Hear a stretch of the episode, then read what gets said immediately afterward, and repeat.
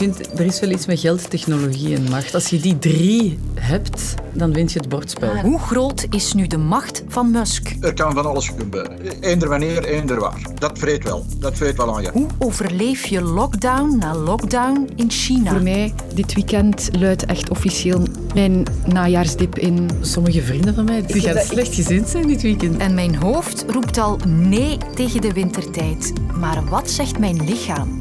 Het is de laatste voor de herfstvakantie. Fijn dat je luistert. Ik ben Sophie van der Dokt. Breaking news tonight is it appears that Elon Musk has sealed the deal to take over Twitter. De vogel is vrijgelaten, zo kondigde Elon Musk vannacht aan dat hij Twitter gekocht heeft. And it looks like he's ready to get to work, literally. He barged into the social media giant headquarters carrying a sink, tweeting, Let that sink in. Clever. Ja, Elon Musk blijkt ook nog van woordspelingen te houden. En de rijkste man op aarde was hij al, maar wordt hij binnenkort ook de machtigste man ter wereld?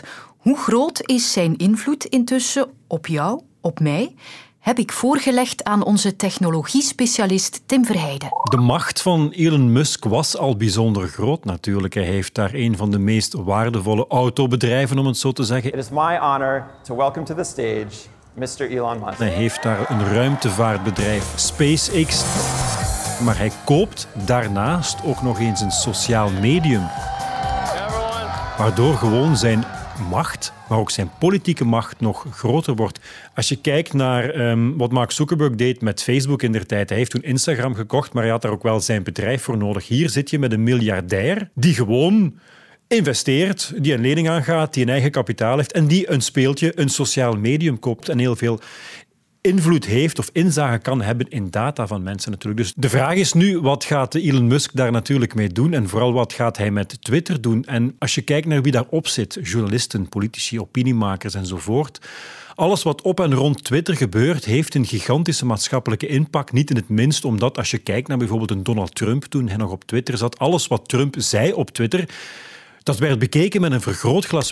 Some people said that it was one of the worst decisions made in all of business taking me off because they become very boring. There's no excitement, there's no anything, there's nothing to talk about.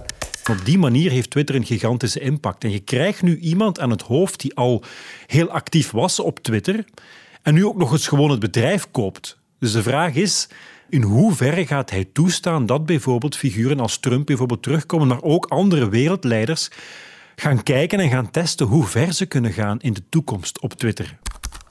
Wat wil hij bereiken door Twitter over te kopen? Hij wil van Twitter opnieuw een dorpsplein maken waar de vrijheid van meningsuiting zegeviert. Waar alles kan en mag gezegd worden, maar met die bedenking dat eh, Twitter ook geen hellevuur moet worden waar je zomaar alles mag, kan zeggen, mag en kan zeggen zonder, zonder gevolgen. Dat is een bijzonder moeilijke uitdaging. Dat is eigenlijk het internet in mijn ogen van jaren geleden. Dat heeft men ons beloofd met dat wereldwijde web, dat we gingen verrijkt worden met allerhande meningen en kijk eens wat die sociale media zijn geworden. Maar mocht hij daarin slagen, dan is hij wel de eerste techbedrijf-eigenaar die dat zou kunnen lukken om sociale mediaplatformen weer gezond te maken. En daar zit wel iets in natuurlijk. Hij zegt ook van, kijk, Twitter heeft nu 230 miljoen gebruikers. Twitter blijft daar al heel lang rond hangen. En Musk zegt nu wel duidelijk, ook tegen zijn investeerders, van we moeten naar 980 miljoen gebruikers gaan tegen 2028 en dan zullen die advertentieinkomsten ook gaan stijgen. En de vraag is natuurlijk hoe. En dan zie je hem dromen van die grote app die hij wil creëren. X, zoals hij dat dan noemt. En wat moeten we ons voorstellen bij X? Dan moeten we kijken naar WeChat, die Chinese app die het leven van Chinezen domineert. Je kan daar berichtjes op sturen. Je kan even goed een taxi bestellen. Je kan een pizza bestellen via die app.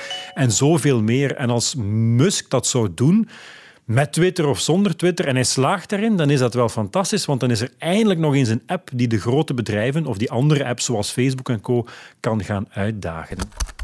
Welke invloed zal dat nu hebben op ons leven? Een van de dingen die op tafel liggen, als je meer inkomsten wil, wordt Twitter bijvoorbeeld betalend? Of komt er een betalende versie van? Um, hoe zit dat precies met die vrijheid van meningsuiting? Gaat er bijvoorbeeld nog gemodereerd worden? Je kan bijvoorbeeld, als we nu kijken naar de komende verkiezingen in Amerika, een van de dingen die je niet gaat kunnen zeggen, zoals de vorige keer, is de stop the steal verhaal van Donald Trump. Die zegt de verkiezingen zijn gestolen, ook al zijn daar geen aanwijzingen van.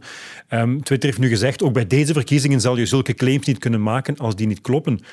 Hoe gaat Musk daarmee omgaan? Kan je echt alles de meest onzinnige dingen op termijn opnieuw gaan zeggen op Twitter enzovoort. Dus voor ons gebruikers kan er potentieel iets veranderen. Alleen weet ik niet of dat van vandaag op morgen gaat gebeuren.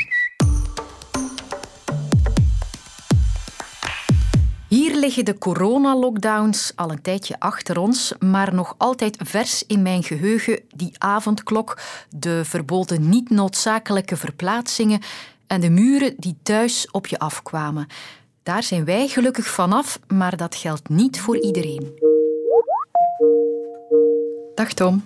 Hey, hallo. Tom van de Wegen, jij bent aan het telewerken vandaag, maar je hebt uh, een aantal filmpjes gesignaleerd die toch wel naar de keel grepen van hoe mensen in China die lockdown na lockdown aan het beleven zijn. Ja, ze houden het duidelijk niet meer uit. Ja, klopt. Een van de filmpjes die ik gezien heb was uh, beeld uit Lhasa, de hoofdstad van Tibet. En uh, ja, normaal gezien is dat een van de strengst bewaakte steden van China. En nu zag je daar mensen op straat, uh, schermutselingen met de politie zelfs. het blijkt wel degelijk van de voorbije dagen te zijn. ja, u moet weten, ze zitten daar al bijna 80 dagen in lockdown. Hè. Heb je daar een voorbeeld van bij? Ik ga ze eventjes erbij halen. Ja, dit zijn beelden van uh, schermutselingen met de politie in uh, Lhasa. Uh, je ziet Tibetanen op beeld, maar er zijn ook migrantenarbeiders. En blijkbaar gaat het om, om arbeiders die naar huis willen, hè, die, die niet weggeraken omdat ze vastzitten in, in de hoofdstad van Tibet. En het gaat er toch wel stevig aan toe. En je hoort in het Chinees bewakers en politieagenten zeggen dat ze zich rustig moeten houden en dat het allemaal in orde komt. Maar dan ook ja, andere beelden uh, die ik gezien heb van mensen die proberen te ontsnappen uit appartementsgebouwen en dan ja, jammerlijk naar beneden vallen. Wacht, ik ga het er even bij halen. Ja, je ziet hier een man bengelen aan, een, aan de top van een appartement en die wordt dan gelost en valt dan ja, twintig verdiepingen naar beneden. Echt wel gruwelijk om te zien, ja. Ja, ze zijn het moe. We gaan het eens vragen, Tom, aan mensen die in China vastzitten in zo'n quarantaine of een eh, lockdown, hè, om te horen hoe zij dat beleven. Oké, okay. okay. dankjewel voor de medewerking, Tom. Tot nog een okay, keer. Oké, Sophie, succes. Bye. Yo. Ik vond Bob Heinderiks al 15 jaar in Shanghai en ik vroeg hem hoe het is om intussen bijna drie jaar na de eerste uitbraak nog altijd op en af in lockdown te moeten zitten. Het moeilijkste van allemaal zijn de onzekerheden. Je, weet niet wat ze morgen naar je zullen toegooien. Dat weet je niet. Alles kan veranderen. Onwaarschijnlijke dingen. Eh, ze zijn letterlijk in staat om, om Shanghai morgen terug op slot te doen. In China kan alles ook in een handomdraai veranderen. Wat vandaag niet kan, kan morgen wel. En wat vandaag kan, kan ook morgen misschien niet meer. We weten dat, hoe dat gaat in China. Dus ik ben het blijven aankijken. Mijn grootste probleem was eigenlijk dat ik niet naar België kon terugkeren. Ik, ik, kon natuurlijk terugkeren naar België, maar terugkomen was zelfs moeilijk.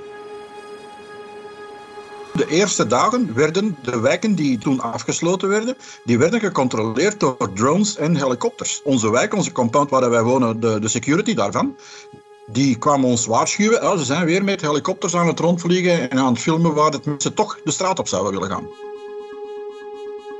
De grootste problemen deden zich voor downtown, in, in de appartementsgebouwen. Daar zijn dus effectief mensen letterlijk uit het raam gesprongen omdat er een barricade rond in huis gezet was. Er zijn mensen die zelfmoord gepleegd hebben. Er zijn mensen die wekenlang geen eten geleverd gekregen hebben.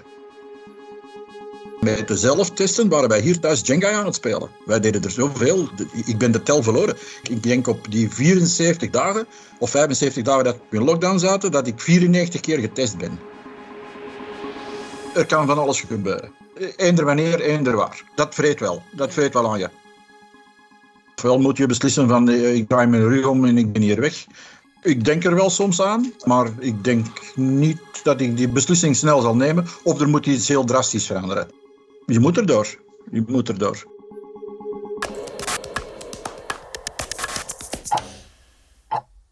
Wintertijd dit weekend en ik kijk daar echt niet naar uit. Er was een tijd dat we gewoon keken waar de zon stond om te bepalen welk moment van de dag het was. Maar toen er dan eind van de jaren 1800 meer en meer treinen begonnen te rijden, was dat niet meer praktisch. Dat was het begin van de eenheidstijd. Maar daarna zijn we beginnen te prutsen met de klok. Vooruit en weer achteruit en weer vooruit. Een laatste keer in de jaren 70 tijdens de oliecrisis. Toen hebben we de klok tijdens de zomer weer een uur vooruitgezet om energie te besparen. Ons bestaan hoeft er niet ongelukkiger op te worden. En stiekem ben ik blij dat die zomertijd nog bestaat. Voor mij mag dat zelfs het hele jaar door zo zijn. Maar ik sta bijna alleen. Bij de experts hier op de VRT vond ik geen medestanders. Van de weerman weet ik het al jaren. Die wil gewoon af van de zomertijd. Absoluut, want uh, met uh, zomertijd zouden we, als we die winters hebben, zou de zon in het putje van de winter opkomen om kwart voor tien ochtends. En dat wil ik niet. Ik heb altijd geleerd dat we daglicht nodig hebben om wakker te worden. Ons lichaam wil dat. Wel, met de wintertijd kunnen we dat het hele jaar door min of meer garanderen. Het is winters al moeilijk genoeg. En onze mobiliteitsman die zit op dezelfde lijn. Het belangrijkste argument zijn eigenlijk onze kinderen. Want door die wintertijd kunnen zij tijdens een groter deel van het jaar veiliger. Dat betekent dus bij daglicht van en naar school. Dat vind ik het belangrijkste. Ik deed nog een poging op onze economische redactie. We zitten net als in de jaren 70 in een energiecrisis. Misschien kan het toch ergens lonen om de zomertijd dan aan te houden. Er is een voordeel. Hè? Een hoogleraar uit Belfast heeft berekend wat het zou opleveren als we die zomertijd uh, zouden aanhouden met de huidige elektriciteitsprijzen. En ze kwam op een verschil van 1,38 euro per dag. Goed voor een besparing toch van zo'n 200 euro op onze elektriciteitsfactuur. Als we dus de komende vijf maanden die zomertijd zouden aanhouden. Maar dat laatste, dat zal niet zo snel gebeuren. Volgens onze Europese verslaggever zitten we nog een hele tijd vast aan de omschakeling. Omdat geen enkele lidstaat aan de Europese Commissie heeft laten weten op welke tijd ze de klok dan willen laten staan, op wintertijd of op zomertijd. Iedereen is het eens dat we moeten stoppen met de klok verzetten, maar er is toch heel veel discussie over welke tijd dan het beste is. En de landen moeten daar dus zelf over beslissen en hebben zich niet uitgesproken. Ook door corona is het allemaal op de lange baan geschoven. Maar wat doet de tijd die ons opgelegd wordt nu met ons lichaam. Even vragen aan... Anne Mariman. Ik uh, werk als somnoloog in het Universitair Ziekenhuis in Gent. Somnoloog betekent dat ik gespecialiseerd ben in slaapstoornissen. En ik ben eigenlijk van basisdiscipline psychiater. Tip top. Dan uh, kunt u mij zeker vertellen wat die omschakeling nu teweeg brengt in ons lijf? Wel, we hebben in ons lichaam dus alle cellen, alle orgaansystemen, die volgen een bepaald ritme. Een bijna 24-uursritme zouden kunnen zeggen, waarin dat we onder andere een slaapwaakritme ontwikkelen, dat we een spijsverteringssysteem hebben. Uh, dus dat volgt eigenlijk min of meer een 24-uursritme. Wel, als we dit gaan verzetten, dan betekent dat dat ons lichaam dat gewaar wordt. En hebben we daar per se last van?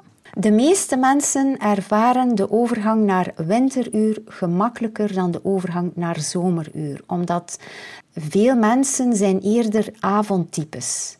Avondtypes, dat betekent dat je een cyclus hebt of een, een biologische klok hebt die eerder op 24 uur en 10 tot 15 minuten zal staan dan uh, een ochtendtype die eerder een bioritme zal hebben, die eerder neigt naar de 23 uur en half bijvoorbeeld.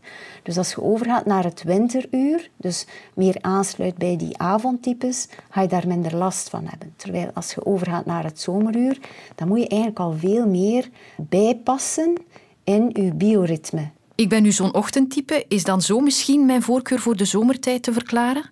Ja, dus als je bijvoorbeeld zonder tijdsaanduidingen in een bunker zou leven, waarbij dat je dus niet weet of dat licht of donker is buiten, dan zouden iedere keer iets vroeger wakker worden dan 24 uur. En het omgekeerd bij een avondtype? Ja, een avondtype die wordt dan altijd iets later wakker. Dus niet telkens hetzelfde moment, bijvoorbeeld altijd om 7 uur wakker worden, maar gaat dan de volgende dag om 7 uur 20 bijvoorbeeld wakker worden.